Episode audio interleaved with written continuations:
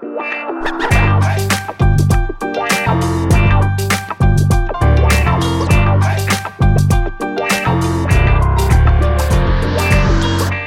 welkom bij een nieuwe aflevering van een podcast over voeding. In deze podcastserie gaan we in op de wetenschap achter voeding en laten we wetenschappers aan het woord over allerlei thema's die met voeding te maken hebben.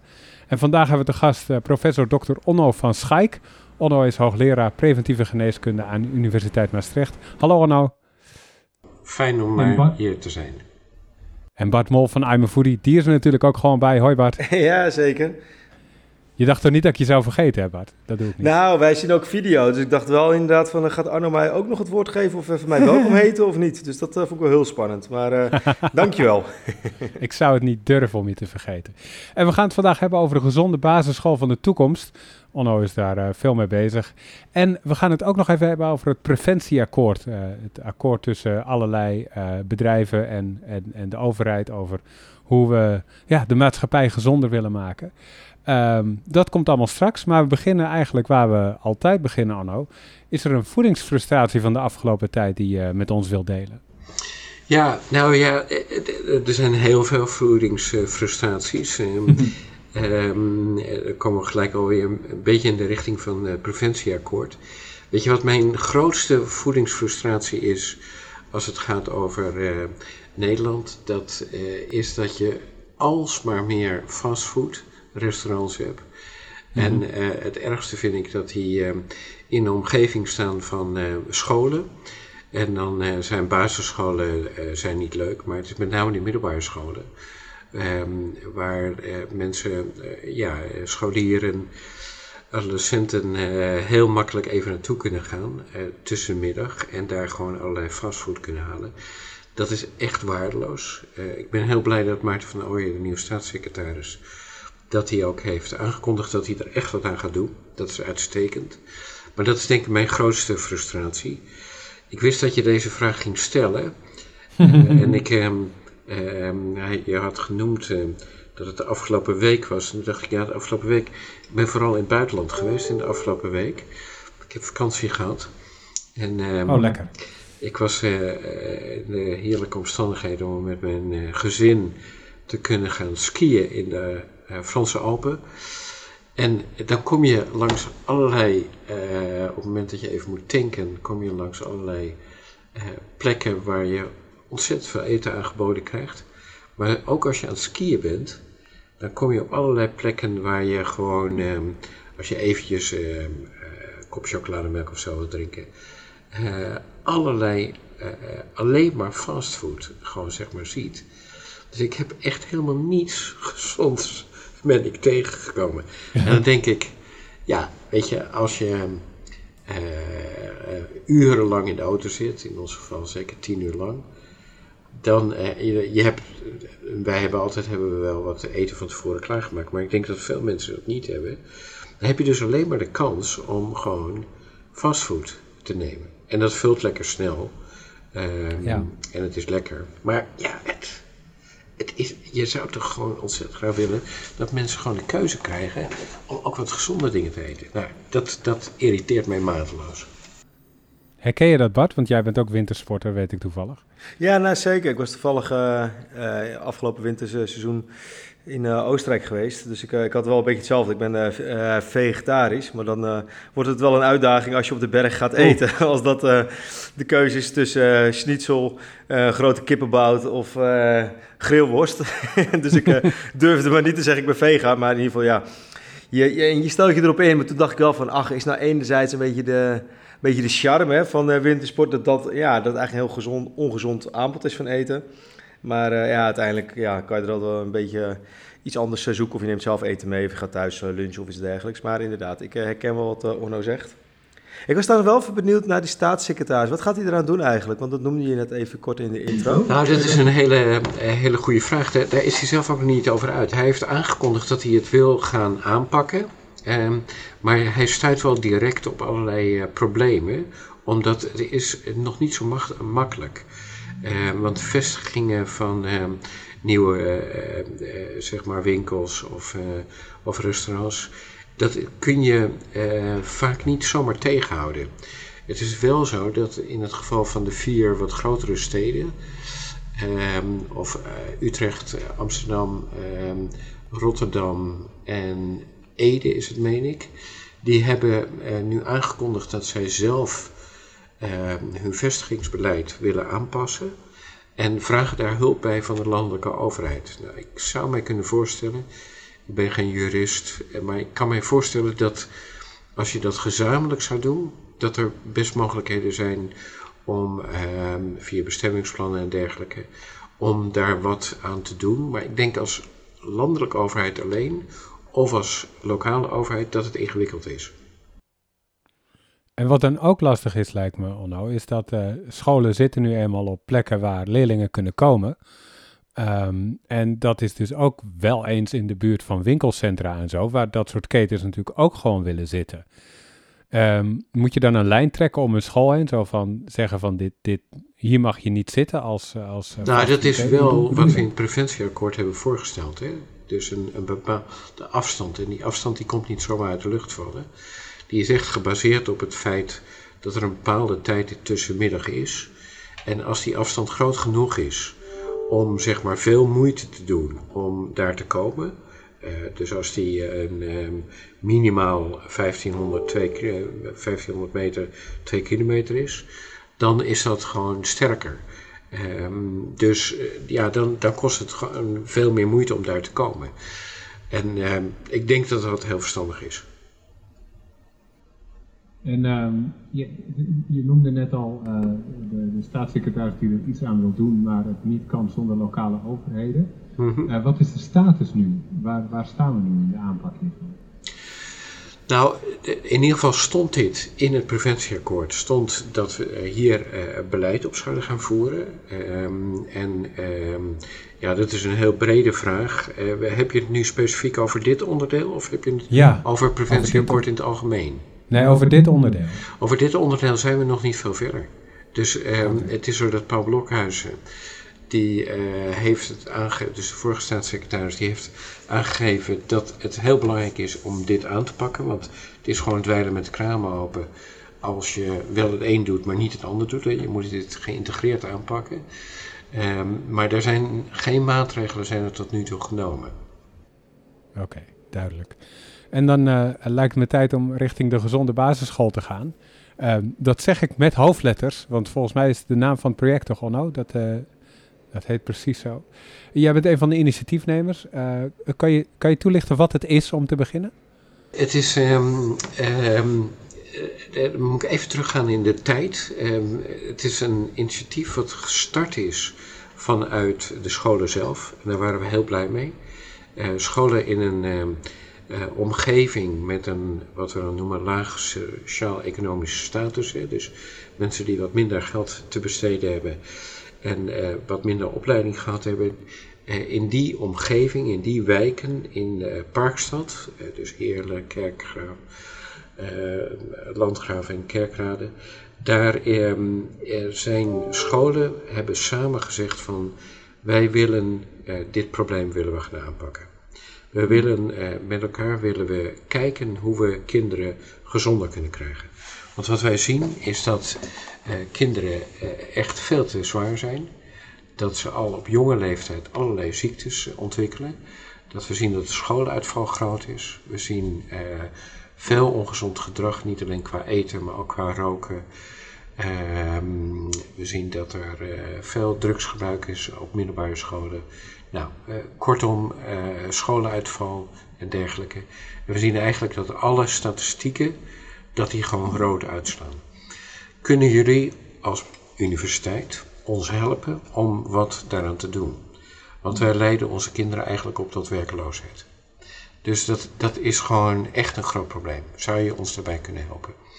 Nou, een, een heel uitdagende, mooie vraag. En vooral als die vanuit scholen komt. Hè? Dus dat je niet eh, vanuit die Ivoren Toren komt en komt zeggen: jullie moeten eens wat doen aan de gezondheid van jullie kinderen. Eh, maar als die vraag vanuit de scholen komt, is dat natuurlijk heel goed.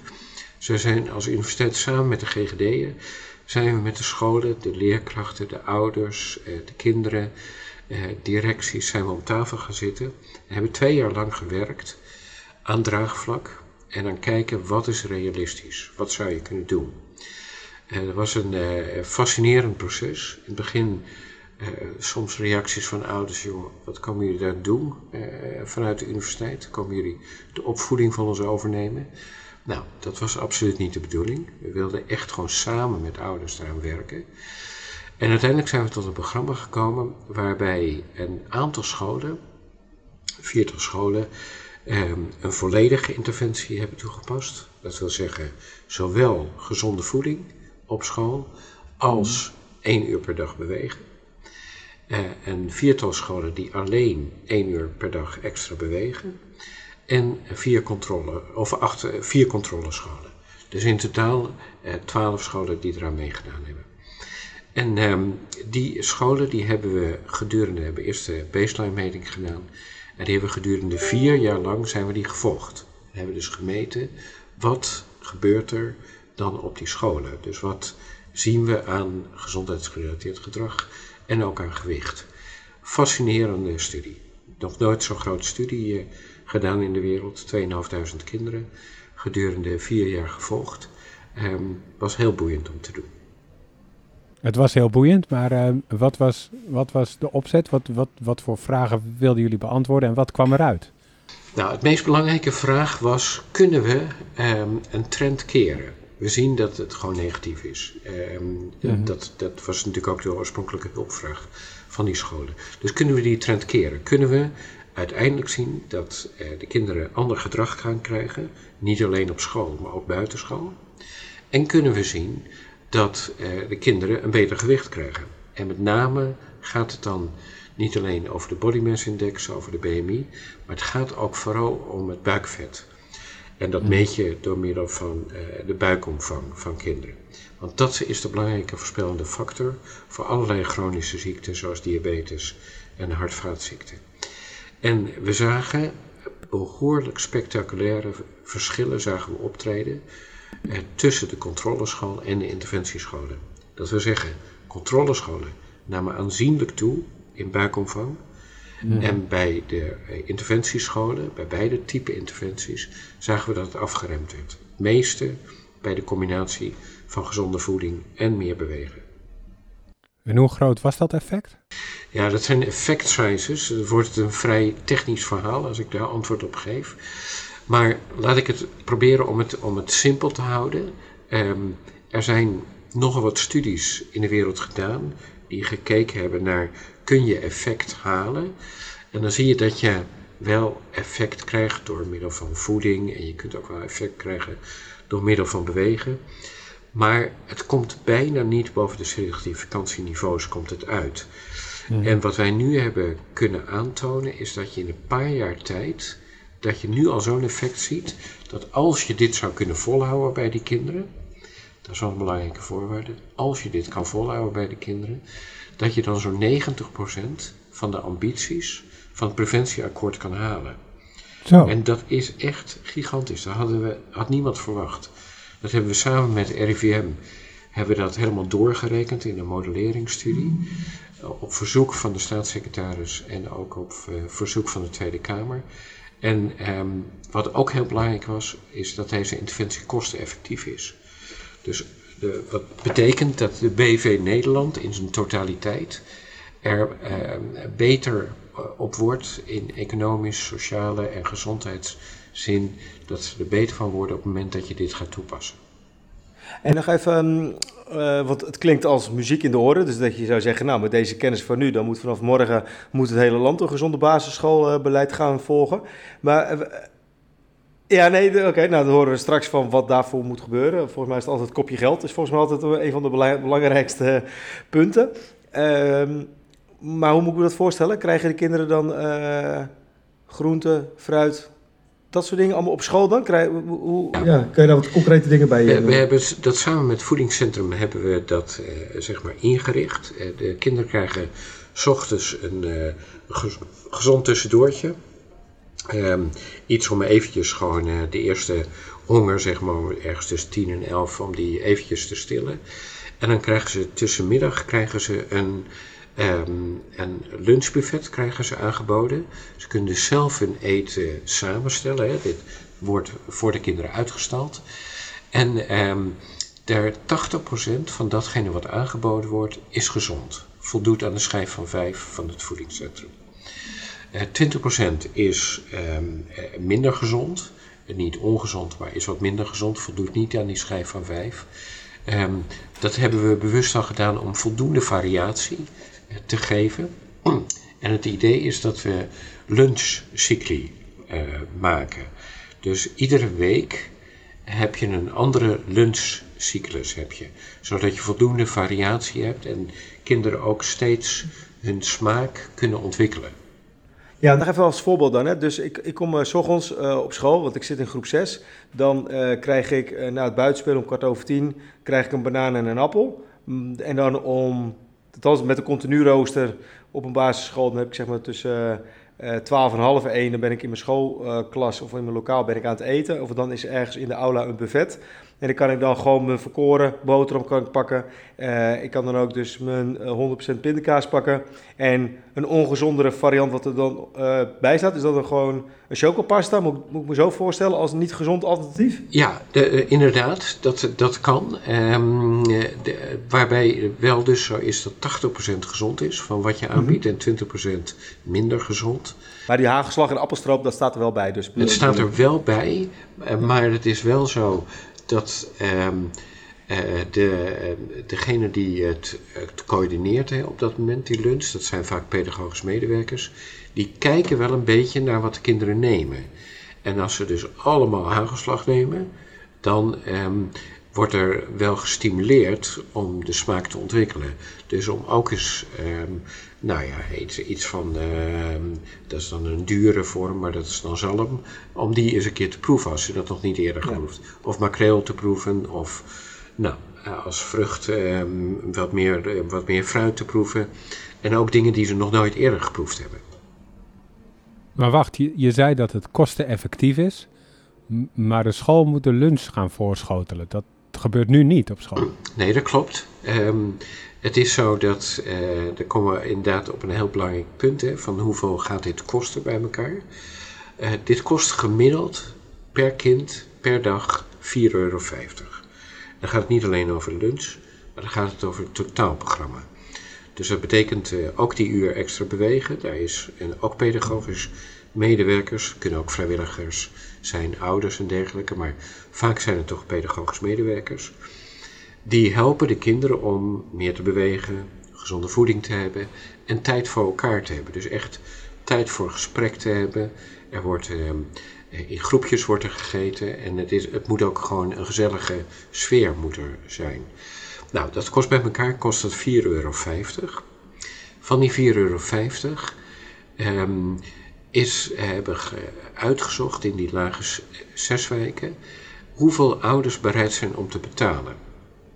En dan kom je ongeveer op een bedrag uit van 1,75 euro per dag per kind. Als mm. ouders niet vier kinderen op diezelfde school hebben zitten, uh, maar als er in ieder geval ergens tussen de 1 en de 3 kinderen op die school zit, dan is het 1,75 euro. Dat is ook ongeveer het bedrag wat ouders kwijt zijn normaal aan een broodrommeltje. Dat, is, dat kun je zo opzoeken bij het Nibud.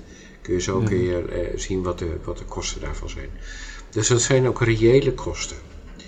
En ouders die het echt niet kunnen betalen, omdat ze en veel kinderen hebben en bijvoorbeeld uitkeringen hebben, die kunnen beroep doen bij de gemeente op een speciaal fonds. Daar wordt niet over gecommuniceerd. Uh, dat kan gewoon zeg maar uh, ja, kan via de gemeente kan dat geregeld worden. Dus het hoeft niet bekend te worden welke kinderen dat wel en niet kunnen betalen. Welke ouders daarvan dat wel en niet kunnen betalen. En dat betekent dus dat je een bedrag overhoudt van 2,75 euro aan andere kosten die wel gedekt moeten worden. Op dit moment, we hebben het in die proef hebben we het eh, zeg maar betaald vanuit de subsidie die we gekregen hebben van de provincie Limburg. Maar nu moeten we het natuurlijk implementeren. Nou, daar zijn we op dit moment druk mee bezig. Het is niet realistisch dat de provinciale overheid dit blijft betalen.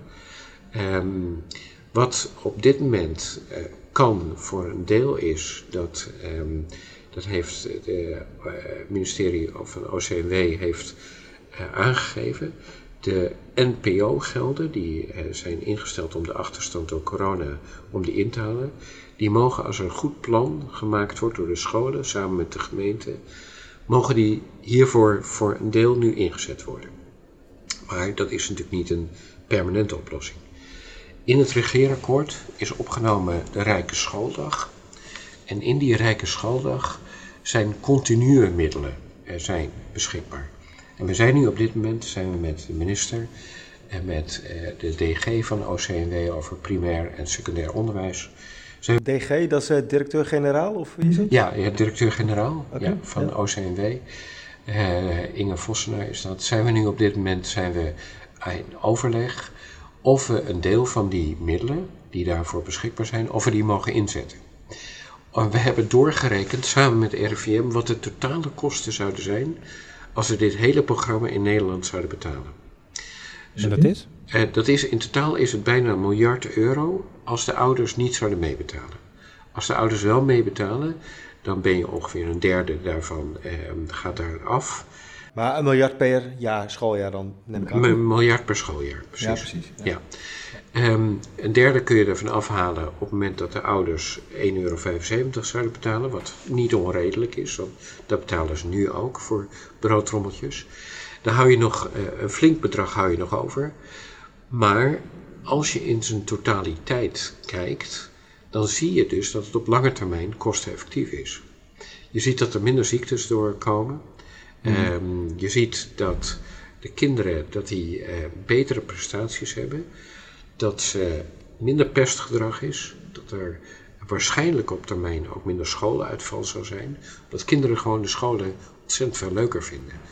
Als je aan die kinderen vraagt, score nou eens wat je van de school vindt op dit moment, en vergelijk dat eens met datgene wat voor de hele verandering uh, had plaatsgevonden, dan zie je dat ze van een 6 of een 7, dat ze naar een 8 of een 9 toe gaan.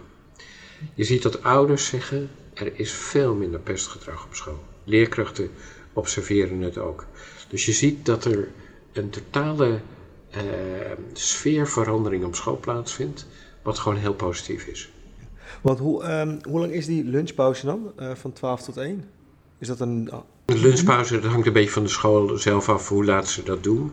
Sommige klassen zullen inderdaad van 12 tot 1 doen, andere doen het van half 1 tot uh, half 2. Nee, precies, maar dat is wel in dit, in, in, in dit onderzoek of in, deze, in, de, in de pilot was dus een uur. Want het staat me namelijk, de reden dat ik het even vraag, het staat me ook bij dat we, uh, volgens mij was het seizoen 1, hebben we ook een keer met Jaap Seidel hebben we ook een podcast opgenomen. Ja. En die noemde het er ook een keertje op dat de hele introductie van uh, continu rooster, dat het eigenlijk heel funest was voor nou ja, een gezonde of om uh, rust te hebben om even rustig te kunnen eten. Omdat of de docent, want dan gaan ze eigenlijk, althans uh, wat ik heb begrepen, dat zitten alle kinderen gewoon in hun klaslokaal heel snel eten, want dan kunnen ze weer snel buiten spelen. Of de docent is druk met 12 en 12,5 dingen en die heeft er ook geen oog voor. En ja, in ieder geval dat dat ertoe bijdraagt dat eigenlijk ja, uh, in dit geval gezonde voeding of überhaupt uh, even tijd hebben om te eten, dat dat juist de, ja, de, kind, de kind van de rekening is. Maar... Ja, I cannot agree more in goed Nederlands. Uh, het, is, het is gewoon echt, echt funest, dat continue rooster. Moeten we echt vanaf. Want kinderen die uh, schrokken hun uh, broodrommeltje naar binnen. En dan uh, hebben ze nog even een kwartiertje, half uurtje om even te spelen buiten. Ja, dat is, daar, dat is ook vaak niet bewegen. Dat is gewoon kletsen op het schoolplein. En daar heb ik niks tegen kletsen. Maar je zou het ook heel graag willen dat er van die tijd ook echt gebruik gemaakt wordt om meer te bewegen. Ja. Ik had zelf ook nog even drie andere prangende vragen. Sorry Arnoud, dus ik uh, loop, ik loop drie even zelfs. Ik tel nou, misschien wordt het er wel vijf. Maar uh, Orno, is het eigenlijk uh, een, een, schoolkeuze? Of kan er ook dat de directeur zegt... ja, de ouders in groep 3 willen wel meedoen... dus groep 3 doen we wel en groep 7 doen we ook... maar de rest krijgen we de handen of krijgen we het niet bij elkaar. Is dat een optie of is het gewoon all-in als hele school? Kijk, logistiek is het heel moeilijk om de ene groep wel te doen en de andere groep niet te doen. Dat is, dat is gewoon heel lastig. Dus eh, in de kijk, theoretisch kan het natuurlijk dat je sommige groepen wel doet en andere niet. Maar in de praktijk is het veel makkelijker logistiek te organiseren ja. als je de hele school doet. En daar komt nog bij dat wat je natuurlijk wil, is dat het gedrag op den duur verandert. En als je dan het ene jaar wel doet en het andere jaar weer niet doet, dan, dan eh, wordt er niet een gewoonteverandering, vindt er zeg maar plaats. En dat is ontzettend belangrijk. Hè? Wat we hebben kunnen meten is als je het totaalpakket introduceert, zien we ook echt veranderingen buiten schooltijd. We zien ook veranderingen in gezinnen zien we ook optreden. We kunnen door die kinderen te beïnvloeden, kunnen we inderdaad echt het gedrag van die gezinnen ook beïnvloeden. En dat krijg je niet als je het eens een keertje wel doet en een keertje niet doet. Nee. En is het dan dat een schooldirecteur die keus hiervoor kan maken? Of wordt die keuze gemaakt door het schoolbestuur? In, in, in Nederland kan dat niet. In Nederland hebben we uh, medezeggenschapsraad. Die heeft beslissingsbevoegdheid. Hè? Dus je hebt bij sommige dingen heb je instemming en sommige heb je gewoon adviesfunctie. Dit gaat echt over instemming. Dus zij kunnen tegenhouden dat het doorgaat. Wat wij oorspronkelijk gezegd hebben, dat gaat bij meerderheid van stemmen. Wat wij oorspronkelijk gezegd hebben is, als wij deze verandering willen doorvoeren, die is zo intensief, dat, daar verandert zoveel, dan willen we niet 50%, uh, iets meer dan 50% hebben, maar dan willen we meer dan 80% hebben. Dus wij gaan het niet op de school doen als we niet echt, echt draagvlak hebben bij ouders, bij leerlingen en bij uh, docenten. Want anders werkt het gewoon niet. Dan, dan ben je ja, er tegenin aan het werken. Dat was in ieder geval bij de start heel erg belangrijk. Nu heeft het inmiddels zo'n positieve pers. Uh, en je ziet ook dat scholen die het niet hebben ingevoerd in Parkstad, die zijn aan het leeglopen. En uh, de scholen die het nu wel hebben ingevoerd, die zijn aan het vollopen. Dus ja, nu is het denk ik ietsje minder belangrijk om uh, aan die 80% vast te houden. Maar 50% moet. Maar oké, okay, ik, ik ben helemaal overtuigd. Dus ik zeg, joh, ik ga gelijk morgen ga ik naar, uh, naar de juf van uh, mijn zoontje. Van, joh, moet je nou eens horen, gezonde school. Hebben jullie een implementatieteam of hebben jullie een, een pakket, een opstartpakket? Hoe, hoe ga ik het aanpakken? Want ik neem aan dat heel veel luisteraars nu denken van... hé, hey, dit willen we gelijk doen, want bij de jeugd begint de toekomst. Ja. En dan moet de jeugd ook echt een toekomst hebben. En uh, dat kun je op deze manier organiseren. Um, wat wij, uh, toen het zo'n succes werd, toen um, klopten heel veel scholen bij ons aan. Kun je ons helpen om dit voor elkaar te krijgen? Wat we toen gedaan hebben is, we, hebben toen, uh, we zijn toen naar, opnieuw naar de provincie toe gegaan en gezegd, nou dit is geweldig wat jullie gedaan hebben. Help ons nog een paar jaar om dit te implementeren. Door um, twee kwartiermakers aan te kunnen stellen binnen een stichting. Die stichting die heet Stichting Implementatie Gezonde Basisschool van de Toekomst. En die uh, kwartiermakers die zijn intensief betrokken geweest bij het experiment. Dus die kennen het van binnenuit. Ze zijn oorspronkelijk ook schooldirecteuren. En die weten precies wat je moet doen. Andrew Simons en uh, Mark Hendricks zijn dat. En zij zijn echt fabelachtig goed. Zij kunnen ongelooflijk goed kunnen ze die spreken de taal van de leerkrachten, spreken de taal van de directies, eh, van de ouders. Die weten heel goed hoe ze dit moeten doen. En die kunnen ook gewoon um, goed met weerstand omgaan. Um, als er mensen zijn die weten wat het is om draagvlak te creëren, dan zijn zij het. Dat kunnen ze ontzettend goed. Maar uh, over die implementatie. Het onderzoek is gedaan bij twaalf scholen, waarvan vier volledig meededen. Um, hoe zeker zijn jullie ervan dat dit op elke school zou werken? Nou, kijk, de, de, de, op voorhand kun je niet zeker zijn dat het werkt uh, op alle scholen, um, omdat we dat gewoon niet op alle scholen geconstateerd hebben. Maar inmiddels, we hebben nu ook een implementatiestudie in Noord-Limburg, hebben we mhm. lopen. Mm -hmm bij twaalf scholen. Dat is uh, juist niet in lage zeswijken, is juist in hoge, hogere zeswijken. En daar zijn we aan het kijken van, um, daar gaat het niet over een interventie en een controleschool. Dan gaat het erom van, dit is het idee, um, ga het gewoon organiseren. En wij helpen om het te organiseren, zonder dat we geld bieden. Dus er is geen subsidie, ga het organiseren en kijk of je het voor elkaar kunt krijgen. Er is een beetje geld om het op te starten, maar er is niet echt geld zoals we dat hadden in het experiment. Nou, dan zie je dat uh, sommige scholen in staat zijn om dat heel snel te implementeren. Dat ze ook makkelijk subsidiegevers erbij krijgen. Dat makkelijker is de ouders die misschien wat meer willen uh, betalen. Uh, je ziet soms dat het bedrijfsleven gewoon wil meebetalen. Rabobank bijvoorbeeld vindt het zo belangrijk dat dit gebeurt. Je ziet dat cateraars of supermarkten, dat die zeggen, kunnen wij op de een of andere manier bijdragen? Want we vinden het gewoon heel belangrijk om aan regio-ontwikkeling mee te doen. Uh, dus het is niet zo dat we het dan voor niks krijgen, maar dan geven ze het voor gereduceerde tarieven. Je ziet dat uh, sportclubs mee uh, aan het doen zijn. Lokale sportakkoorden gaan meedoen. Um, dus je ziet echt dat er een. Het is zo positief dat er, er ontstaat eigenlijk spontaan ontstaan er allerlei maatschappelijke ontwikkelingen die dit gewoon ondersteunen. En hoe, lang duurt het gemiddeld dan een uh, implementatie van de eerste initiatief dat iemand het uitspreekt tot. Ja. dat moet je niet onderschatten. Het duurt lang. Want het, het heeft echt tijd nodig. Je kunt niet een school overvallen en ouders al helemaal niet. Kijk, zeg maar in die hoge zeswijken zie je dat, nou, dat 70 tot 90 procent op voorhand positief is van dit idee. Maar je moet echt aandacht geven aan die resterende 10 tot 30 procent die niet positief is. Die allerlei redenen hebben dat ze zeggen, ja, weet je, eh, mijn kind is allergisch eh, of mijn kind die eh, wil vanwege, vanwege religieuze redenen, mag die bepaald eten niet hebben. Er kunnen allerlei redenen zijn waarom ehm, ouders hier iets tegen hebben dat je centraal voeding aanbiedt. Nou, daar moet je goed over nadenken. Praten met die ouders, praten met de directie. Hoe kunnen we deze bezwaren oplossen? En tot nu toe hebben we altijd oplossingen gevonden.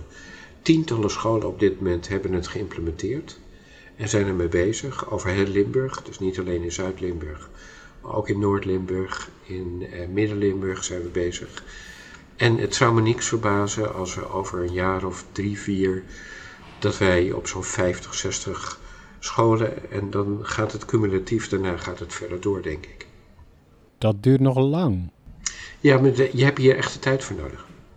Want als je het te snel doet, dan, weet je, dan, dan voelen ehm, ouders zich um, overroeld. Dan kunnen docenten zich overroeld voelen. Want het vraagt ook wat aan docenten.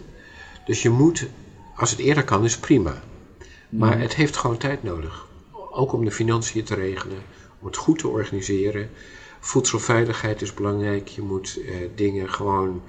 Ehm, je moet niet hebben dat er een voedselvergiftiging op een gegeven moment op school optreedt. Je moet het echt zorgvuldig doen.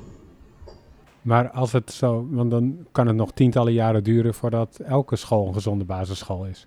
Ik verwacht dat wij in, uh, over tien jaar, dat we in uh, Limburg, dat we echt uh, cumulatief, dat we zeker op de helft van de scholen zitten. Dat zou me niks verbazen. En dan heb je denk ik nog een paar jaar nodig om, om, om de andere scholen mee te krijgen. Hè. Dat heb je altijd met de implementatie uh, gebeuren.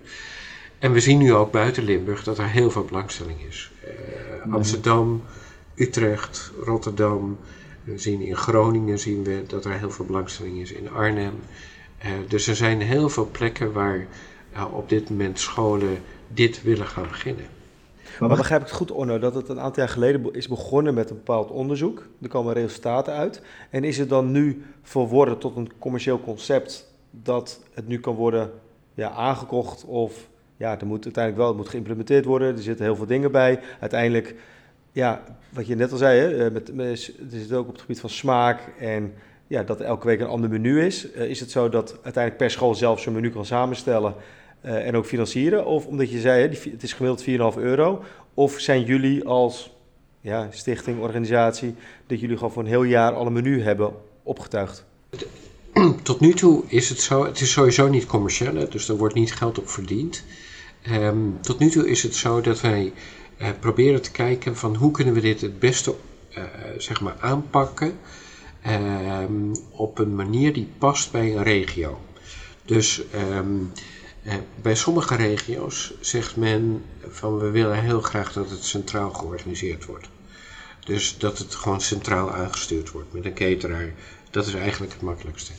Op andere plekken zien we dat ehm, men veel meer ehm, wil dat het vanuit de regio zelf georganiseerd wordt. Dat bijvoorbeeld fruit, lokale fruittelers, dat die erbij betrokken worden. Dat ehm, de lokale supermarkt erbij betrokken wordt. Omdat men zegt van nou, eh, dan maakt het dat je gewoon veel meer draagvlak ook krijgt als je dat lokaal organiseert. En bovendien helpt het ook ehm, wat betreft uh, vermindering van uh, CO2-voetafdruk op het moment dat je minder vervoerbeweging hebt. Dus dat je niet vanaf een centraal punt al die voeding iedere dag moet aangereikt krijgen. Dus als het lokaal georganiseerd kan worden, heeft dat ook zijn voordelen. Dus ik, ja, denk... ik, snap, ik snap vanuit het operationele, maar ik kan me meer vanuit het beleidsmatige. Dat, ik kan me niet voorstellen dat elke school zelf weer een externe diëtist of voedingskundige gaat inhuren. Of oh, kan je voor een heel jaar even bedenken wat we onze leerlingen moeten aanbieden. Want iemand van groep 1, 2, 3, die zal weer een andere bepaalde behoefte hebben of smaak hebben dan iemand uit groep 7, 8. Dus er zit best wat learnings bij jullie, kan ik me zo voorstellen. In de praktijk is het ook eigenlijk nooit zo dat een individuele school dit doet. En dat heeft vooral mee te maken dat die, die scholen die, ehm, die vallen allemaal onder stichtingen. Dus waarmee we begonnen zijn was met Movare. Dat is een scholenstichting van meer dan 50 scholen. Nou, dan heb je voldoende massa om dit te organiseren. Er zijn natuurlijk stichtingen die veel kleiner zijn, eh, waarbij het lastiger is om te organiseren. Maar die zoeken dan via gemeenten zoeken die dan hulp om het samen met andere stichtingen te implementeren. Hey, en uh, uh, dit draagt natuurlijk bij, zei je al, uh, in stevige mate, als het, als het even kan, aan de ambities uit het preventieakkoord. En daar wilde ik even naartoe. Um, laten we even beginnen. We hebben het er wel vaker over gehad in deze podcast, het preventieakkoord. Wat is het precies? Wat, wat is het doel ervan? Het preventieakkoord is een akkoord wat uh, via uh, langdurig polderen tot stand gekomen is met uh, mm -hmm. 70 organisaties in, in Nederland. Um, en die 70 organisaties die hebben gezegd van wij willen werken aan um, vermindering van overgewicht, aan vermindering van, mis, van alcoholovergebruik en we willen werken aan stoppen met roken. Dat, dat zijn de ambities van het preventieakkoord waarbij men ambities heeft um, uh, ja, opgeschreven voor 2040 op die drie gebieden. Mm. En maatregelen die uiteindelijk moeten leiden tot het behalen van die ambities. Dat is het kort gezegd. Nou, die ambities um, die zijn mooi. Um, die zouden hier en daar zouden die nog wat scherper gezet kunnen worden. Maar in zijn algemeenheid ziet dat er prima uit. Wat er niet prima uitziet, zijn de maatregelen. Met name de maatregelen op het gebied van voorkomen van overgewicht en voorkomen van overgebruik van alcohol. Uh, als het gaat over uh, roken, zijn de ambities zijn, uh, zijn uitstekend en zijn de maatregelen ook behoorlijk goed. Hadden hier en daar nog wat scherper gekund, maar ze zijn behoorlijk goed. Waar wij van tevoren al heel veel bezwaar tegen hadden, was tegen eh, de maatregelen die werden voorgesteld vanuit de alcoholtafel. Zo noem je het, zo'n tafel, die, eh, die spreekt over zo'n onderwerp, de alcoholtafel en de overgewichttafel. En het sterke eh, gevoel was daarbij dat de private partijen die deelgenomen hebben aan het preventieakkoord, dat die een enorme invloed gehad hebben aan die twee tafels. Niet bij de tabakstafel, omdat bij de tabakstafel de industrie niet aan tafel mocht zitten. Dat heeft te mhm. maken met uh, akkoord van de Wereldgezondheidsorganisatie, waar Nederland zich ook aan gecommitteerd heeft, het zogenaamde FCTC. En dat geeft aan dat er niet onderhandeld wordt vanuit een overheid met de tabaksindustrie. Dus dat mocht gewoon niet. Die mocht niet aan tafel zitten. Dat maakte dat dus de maatregelen die genomen werden op tabaksgebied veel scherper konden dan op het gebied van overgewicht en alcohol. Nou, we zien na drie jaar, zien we ook inderdaad die resultaten. We zien dat heel veel van de maatregelen, ja, we eigenlijk niet goed weten of daar aan gewerkt wordt. Krijgen we niet goed indruk van. Um, waar we er wel indruk van krijgen, is het niet erg sterk wat er gebeurt. En als we doorrekenen wat de effecten daarvan zijn op lange termijn, dan zijn we bezorgd over wat het uiteindelijk zal opleveren ehm, in 2040, dan zien we dat we het waarschijnlijk niet gaan halen. Dus dat is een beetje de situatie waar we op dit moment in zitten.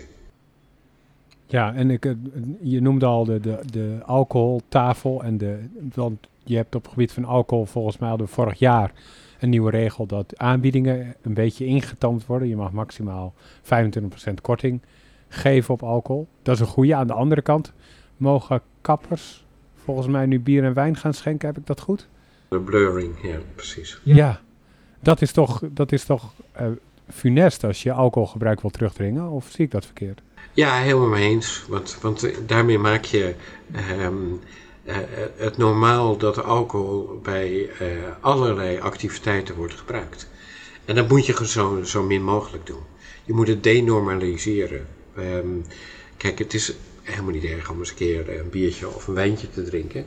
Uh, als je het bij mate doet, dan is het gewoon niet een heel groot probleem. De gezondheidsraad zegt wel dat je beter helemaal niet kunt gebruiken. Maar goed, weet je, als je de minimale mate gebruikt, zijn de problemen zijn niet heel groot. Als je voor de rest ook redelijk gezond leeft. Dus het, ja, het is natuurlijk idioot om het zodanig te normaliseren dat je bij elke activiteit in het leven dat je alcohol gebruikt. Dus dat moet je gewoon niet willen. Maar dat Wat is was toch... jouw... Sorry, ja. Ja, ik, ik snap dit oprecht niet. Dus je zit, want het kabinet zit bij het preventieakkoord. Die zegt, oh, het is heel belangrijk dat we alcohol terugdringen. Draai je zich om en staan toe dat je op honderdduizenden plekken in Nederland ineens alcohol mag gaan verkopen. Dan denk je, toch ook, dat voor je in je hemd gezet, toch? Ja, maar zeg jij niet bij het preventieakkoord aan, Onno? Kon jij niet aan de, de bel trekken? Ik heb, ja, dat kan ik wel. Um, tenminste, uiteindelijk is, ligt de macht, die ligt natuurlijk bij de Tweede Kamer. En... Uh, uh, in het verlengstuk daarvan bij de bewindspersoon, de verantwoordelijk bewindspersoon, nu de nieuwe staatssecretaris Maarten van Ooyen, die, um, die kunnen dat doen, maar die laten zich adviseren door onder andere de monitoringsgroep. Dus mijn rol is geweest, ik heb bij de verbindingstafel gezeten, ik heb al die voorstellen zien binnenkomen van, van die verschillende tafels en ook alle ambities zien binnenkomen. En ik heb, van tevoren hebben wij aangegeven bij die verbindingstafel waar we kritiek op hadden. Dat heb ik net aangegeven. Mhm. Vervolgens zijn een aantal mensen gevraagd om eh, de effecten te monitoren samen met RIVM. Dus de RIVM doet de berekeningen en wij geven de adviezen erin en evalueren ook dat. En dan komen we gezamenlijk komen we tot een rapport en dat wordt aan de Tweede Kamer ieder jaar aangeboden. En dan kan de Tweede Kamer, die kan dus als een waakhond, kan die dus kijken van wat komt er wel uit en wat komt er niet uit. Nou, dat is, eh, onlangs is dat ook weer eh, bekend geworden, wat er dan, eh, zeg maar tot nu toe aan, eh, dat ging dan in dit geval niet om de ambities, maar het ging om de maatregelen. Wat er aan maatregelen, wat er, eh, zeg maar, eh, of die waren nagekomen of niet waren nagekomen. En dan zie je dus dat bij het, overgewicht en bij alcohol, zie je dat ongeveer de helft van de maatregelen gewoon niet eens te checken zijn. Dat gaat over, er moet dus wat meer voorlichting komen. Of er hmm. moet wat meer onderzoek gedaan worden naar. Of er moet aandacht komen voor. Ja, weet je, dat zijn dus echt gewoon niet zeggende dingen. Niet zeggende maatregelen, wat gewoon niet werkt. Nou, dat wisten we van tevoren al. Dus die evalueren we zelfs niet eens meer. Die gaan, wat ons betreft, hebben die gewoon geen enkele zeggingskracht. Nou, daar hou je nog wel maatregelen over. En daar eh, gaat het allemaal gaat het te traag. Het gaat gewoon te traag. Het gaat gewoon niet snel genoeg. Er gebeurt wel wat, maar het gaat gewoon niet snel genoeg. En zo halen we het gewoon niet. Maar waar, waar, waar, waarom zijn er dan tijdens dat hele preventieakkoord nog niet gelijk gewoon ook objectieve toetsingscriteria benoemd van als dat niet is gehaald, dan is dat gewoon een een versterkende maatregel. Dat is toch wel de juiste ja, kant op worden geduwd. Desnoods met de lichte dwang dat ze weten, je hebt nu de kans. Ja, ik kan ook uh, bepaalde ambities uitspreken. Maar ja, het is wel heel vrij, vrijblijvend als ik, uh, als ik niet weet met welke ja, gevolgen het misschien uh, erbij komen. Eén ding wat hier een, een belangrijke rol speelt, dat is dat, ehm, kijk, al die partijen, die 70 partijen, waaronder die private partijen, die hebben ook een handtekening onder ambities gezet. En dat betekent dus dat als wij nu zien aankomen dat die ambities niet gehaald worden, dan moeten dus de maatregelen aangescherpt worden.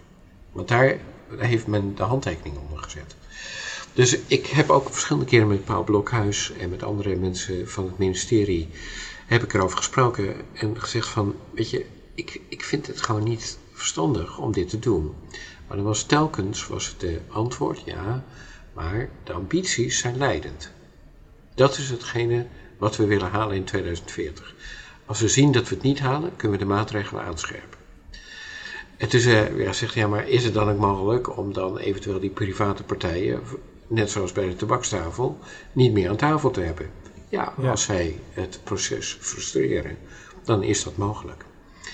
Het heeft ook voor een deel te maken met ehm, de poldercultuur die we in Nederland hebben en ook de, um, de coalitie ehm, regeringen die we hebben, waarbij uh, toch een aantal partijen, liberale partijen, zijn die altijd waakzaam zijn dat de private partijen dat die gewoon niet ondergesneeuwd worden. Dat we niet een regelcultuur krijgen waarbij um, die partijen gewoon eigenlijk gewoon niks meer te zeggen hebben.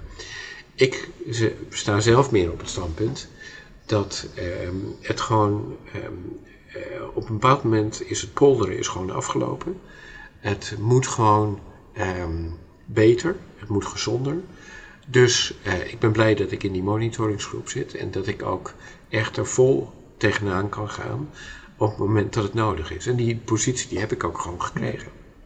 Want, begrijp ik het goed, wat je zegt, is dus dat omdat ze ook wel die ambities hebben ondertekend, dat we er misschien wel gaan komen binnen nu en tot 2040. Terwijl eigenlijk is de, uh, de update monitor RIVM, ja, zo'n paar, paar maanden geleden uitgekomen, waar al werd gezegd van nou, met dit tempo gaan we helemaal nergens komen in 2040. Want stel, sterker nog, de maatregelen moeten eigenlijk misschien wel verdubbeld zoveel worden om überhaupt daar te gaan komen. Wat doet dit dan nu? Uh, worden de ronde tafels weer, weer, van stal gehaald van jongens, gaan we dit met elkaar doen? Of is de politiek nu aan zet van we gaan het gewoon opleggen? Of is er toch nu een tendens gaande vanuit de publieke private partijen? Op het moment dat er een bewindspersoon zit die zegt, uh, en nu is het polder afgelopen, nu wil ik dat het gewoon zeg maar gebeurt. En hij kan de meerderheid in de Tweede Kamer daarvoor krijgen, dan, uh, dan gebeurt het gewoon. En dan is het polder inderdaad op een gegeven moment afgelopen. Dan wordt er een suikertax ingevoerd, ondanks dat de industrie zich daar tegen verzet. Dan wordt de BTW op eh, groente en fruit grotendeels afgeschaft. Dan... Ja, maar dat kan dus weer niet technisch gezien, omdat de Belastingdienst zegt van oh, onze, onze systemen kunnen ja, maar dat is dan toch eigenlijk gewoon een bezuinigings. Maar als het, als het wel kan op, uh, op benzine, Nee, nee, daarom, nee, daarom, zeggen we, daarom zijn we het met elkaar eens van ja, in het coalitieakkoord staat het erin uh, dat uh, de inkt is amper op, opgedroogd. En dan opeens zegt de Belastingdienst, ja, neem onze systemen, die kunnen dat in 2025 kunnen we dat doen. We laten ons niet uh, vernachelen. Ehm, dus op het moment dat het voor de benzine kan, dan kan het ook voor groente en fruit. Oké, dus ik begrijp dat er dus ergens al onder water zijn jullie wel weer mee bezig om te zeggen, joh, leuk belastingdienst, maar make it happen, linksom of rechtsom. Geen gezeur, moet gewoon gebeuren. Oké, nog even, een zijstap, want het staat me ook bij dat we met Jaap Seidel een keer uh, ook uh, in een show hebben besproken over de gezonde schoolkantine. Dat er in 2014 al een amendement of iets dergelijks was aangenomen. Iedereen was voor. In 2018 was er weer een update. Toen was het alweer een soort van gedownsized. Nou, we gaan niet in 2020 in 100%. Nee, we doen 2000, uh, 2020 was het 50%. Inmiddels zitten we in 2022 en volgens mij is er nog steeds geen Nee, dat, dat is natuurlijk gewoon, het wordt eindeloos lang wordt het opgeschoven. En kijk, ik ben helemaal niet tegen polderen, maar op een bepaald moment eh, is het polderen gewoon afgelopen. Dus ik vind het prima om te kijken of je sociaal draagvlak weet te creëren. Maar op een bepaald moment is gewoon, eh, ja, wordt het gewoon uh, uitstelgedrag. En daar moeten we gewoon vanaf we zien, we hebben voldoende voorbeelden om te zien dat bijvoorbeeld zo'n suikertax, waar eindeloos in Nederland tegen geageerd is, zou niet werken en noem maar op. We zien gewoon in andere landen dat het prima werkt. Dus we gaan het gewoon introduceren. Gaat het gewoon gebeuren. Per uh, wanneer? Nou, uh, als het aan mij ligt morgen, maar dat zal niet gebeuren. Maar ik ben wel positief over de nieuwe staatssecretaris. Ik was ook heel positief over Paul Blokhuis. Want hij het is hem wel gelukt om echt prachtige ambities eh, daar handtekeningen onder te krijgen. En met deze nieuwe staatssecretaris, dat is echt iemand die, die flink er tegenaan wil. Dus ik, uh, ik ben heel positief uh, dat we echt dingen gaan bereiken. Nou, dan, gaan we, dan ben je binnenkort met de staatssecretaris als gast, uh, Arnoud. Dat lijkt me een goed idee. Ik ben ja. heel benieuwd naar hem. Ja, nou, dan laten we dat doen. Hey Onno, zijn er uh, tot slot nog drie uh, tips die je onze luisteraars wil meegeven die, uh, die hierover gaan? Eén hebben we al genoemd. Oh, oh drie tips. Hey, ik dacht dat je drie... dat je drie, drie gasten. Drie gasten nee, drie tips. zou willen.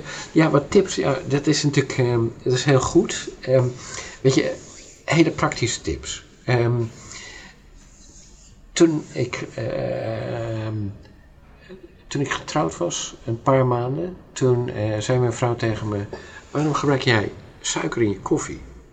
Het is gewoon een smaakvervlakker. Um, en ik, ik, dacht, nou ja, ik vind het gewoon lekker suiker. Um, maar goed, op haar advies ben ik gewoon eens koffie zonder suiker en thee zonder suiker gaan drinken. In het begin vond ik het echt smerig.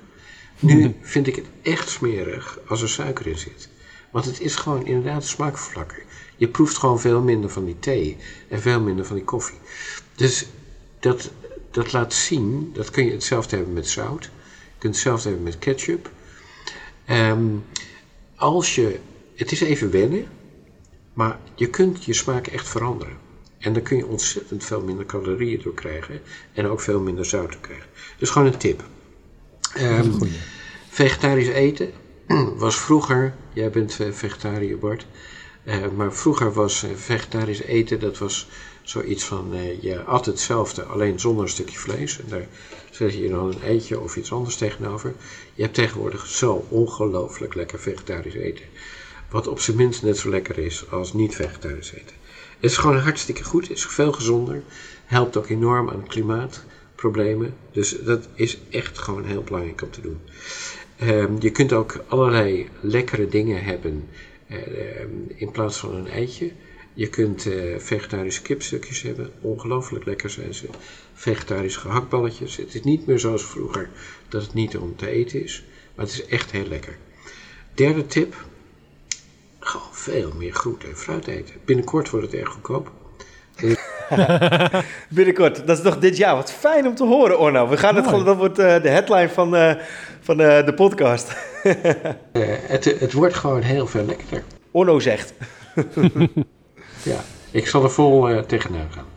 Heel goed. En wat ik ook nog wil weten, Orno, stel je voor, je, je bent nu aan het luisteren en je hebt kinderen op de basisschool zitten, die niet in Zuid-Limburg op school zitten, op die gezonde basisschool. Hoe, hoe kun je dit inbrengen bij je school? Hoe kun je dit sprake? Dat is langzamerhand wel, omdat de PO-raad, die kent heel goed de gezonde basisschool van de toekomst. Eh, en er zijn ook andere initiatieven die wat minder ver gaan dan de gezonde basisschool van de toekomst. Gezonde scholen. Dat werkt met vignetten. Uh, uh, daarvan moet de effectiviteit nog wel vastgesteld worden. Maar we zijn nu heel intensief aan het samenwerken met gezonde scholen. En de PO-raad, dus waar alle basisscholen onder vallen in Nederland, die um, ondersteunt heel erg het concept van de gezonde basisschool van de toekomst. En dat betekent dus, en trouwens ook de Vereniging van Nederlandse Gemeenten, dat betekent dat er wel een beweging op gang is gekomen in de afgelopen jaren, dat steeds meer scholen hier um, enthousiast over worden. En dat als ouders dit gewoon op uh, medezeggenschapsavonden, uh, ouderavonden, uh, gewoon inbrengen, dat scholen ook ja, meer het gevoel zullen hebben, nou, dat moeten we gewoon doen. Dus vooral melden bij de scholen op onze website, uh, Gezonde Basisschool van de Toekomst. Ehm, kun je, uh, zie je van allerlei tips voor ouders, voor leerkrachten, voor directies. Je ziet ook heel veel van de nieuwsberichten, filmpjes op NOS en op RTL Nieuws en dergelijke. Maar je ziet ook manieren hoe je het kan gaan uh, beginnen, hoe je de eerste stappen erin kunt zetten, praktische tips. Maar, wat je zegt is dus eigenlijk dat het uh, bottom-up is. Dus ik als ouder moet het tegen de juf zeggen van mijn zoontje of, of de schooldirecteur mailen. En dan zeg je, joh, dit is de website, dit is een manifest. En dat die het weer binnen het schoolbestuur doet. En dat ik op die manier omhoog. En zelf kan ik het weer bij een medezeggenschapsraad ook nog een keer pluggen. Om het op die manier te doen. Ik als ouder kan niet meer dan dat doen. Kijk, je kunt niet een school in je eentje veranderen. Dus je zult. Nee, maar ik dacht misschien een kwartiermaker die je noemde. Jullie twee kwartiermakers hebben. Dat ik dacht van, kunnen, ze, kunnen, kunnen we die mailen? Op onze website kijkt, Gezonde Basisschool van de Toekomst, www.gezondebasisschool van de Toekomst. Ik zal hem in de show notes uh, zetten, inderdaad. Ja, ja. Uh, dan zie je uh, hoe wij je als stichting kunnen helpen. En dan eh, kun je er heel makkelijk, kun je op die manier kun je verder komen. Ja. Yes. Dat is wel een goede URL voor heel veel spelfouten. De gezonde basisschool van de toekomst.nl. Misschien moet u nog even werken aan een uh, hele hippe, korte, creatieve uh, domeinnaam, uh, Orno. Gratis tip. dus, dus, nou ja, als je suggesties als je, hebt, hoor ik ze graag. Als je kunt ja, klikken, Bart, in de show notes, dan kun je het niet verkeerd spellen. Ja, dan moet alleen jij het goed spellen. Het is, G, is, GBT, dat is de, korte, dat is de af, afkorting, zie ik. GBT, nou, misschien moeten we dat gewoon doen. Het wordt gewoon een begrip, Arnoud, daar zorgen we voor. Nou, heel mooi. Ja. Hey Onno, wie, wie zou er nog meer in deze podcast te gast moeten hebben? We noemden al net de huidige staatssecretaris Maarten ja, van Ooyen. Heel dat is een hele goeie. Ik, ik, en ik heb nog twee andere suggesties. Uh, Paul Blokhuis is echt wel uh, echt een buitengewoon fascinerende en inspirerende man. Ik denk dat hij graag zou willen meewerken. En wie ook echt heel goed is in dit onderwerp, die hebben jullie nog niet gehad, is um, Alexander Rino Kahn. Um, mm -hmm. Bekende man, uh, oud-senator D66, uh, voorzitter van de CER, heeft heel veel functies gehad. Hij is rector geweest. Uh, echt een, een hele uh, breed, breed iemand die ontzettend veel hier vanaf weet. En die enorm ehm, voorvechter is voor gezonde voeding bij jongeren. Nou, dat zijn, dat zijn uitstekende tips. Ik zie, ik zie Bart meetikken terwijl je het uitsprak, dus... Uh, hier, gaan we, hier gaan we achteraan en hopelijk lukt het. Uh, Bart, heb jij tot slot van deze podcast nog dingen die je vanuit I'm a Foodie wil melden? Nou, het is eigenlijk een heugelijk uh, momentje. Ja, deze podcast die komt in april online, maar uh, onze zesde boek, Eet als een expert mini, die hebben we eind april gekregen van de drukker. Dus volop in het verzenden van alle pre-order dingen. Dus nou, daar zijn we natuurlijk helemaal vol van.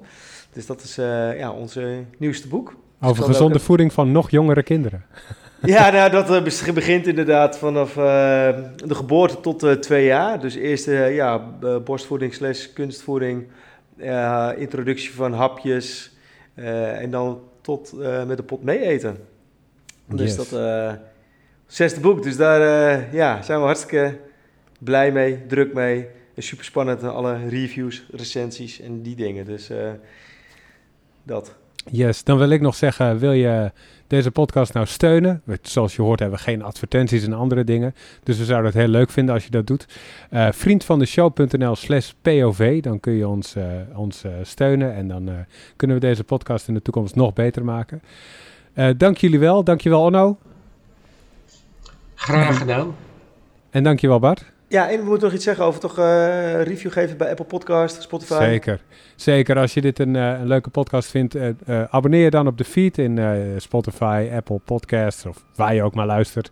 En als je een review achterlaat in een van die apps, dan helpt het ook anderen om ons beter te vinden. Zou heel mooi zijn.